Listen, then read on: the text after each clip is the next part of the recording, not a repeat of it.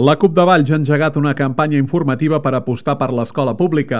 Mitjançant una roda de premsa celebrada dimecres a la tarda, el grup municipal va criticar que des de l'Ajuntament es tractin totes les escoles per igual, obviant la realitat. Els copaires demanen més planificació i que des del Consell Escolar Municipal i els òrgans necessaris garanteixin el futur de l'escola pública. D'altra banda, la mateixa formació ha criticat la manca de voluntat política que es porta des de la regidoria d'Educació i han posat com a exemple diverses propostes que es duen a terme al país, com per exemple la Festa de la Pública de Molins de Rei.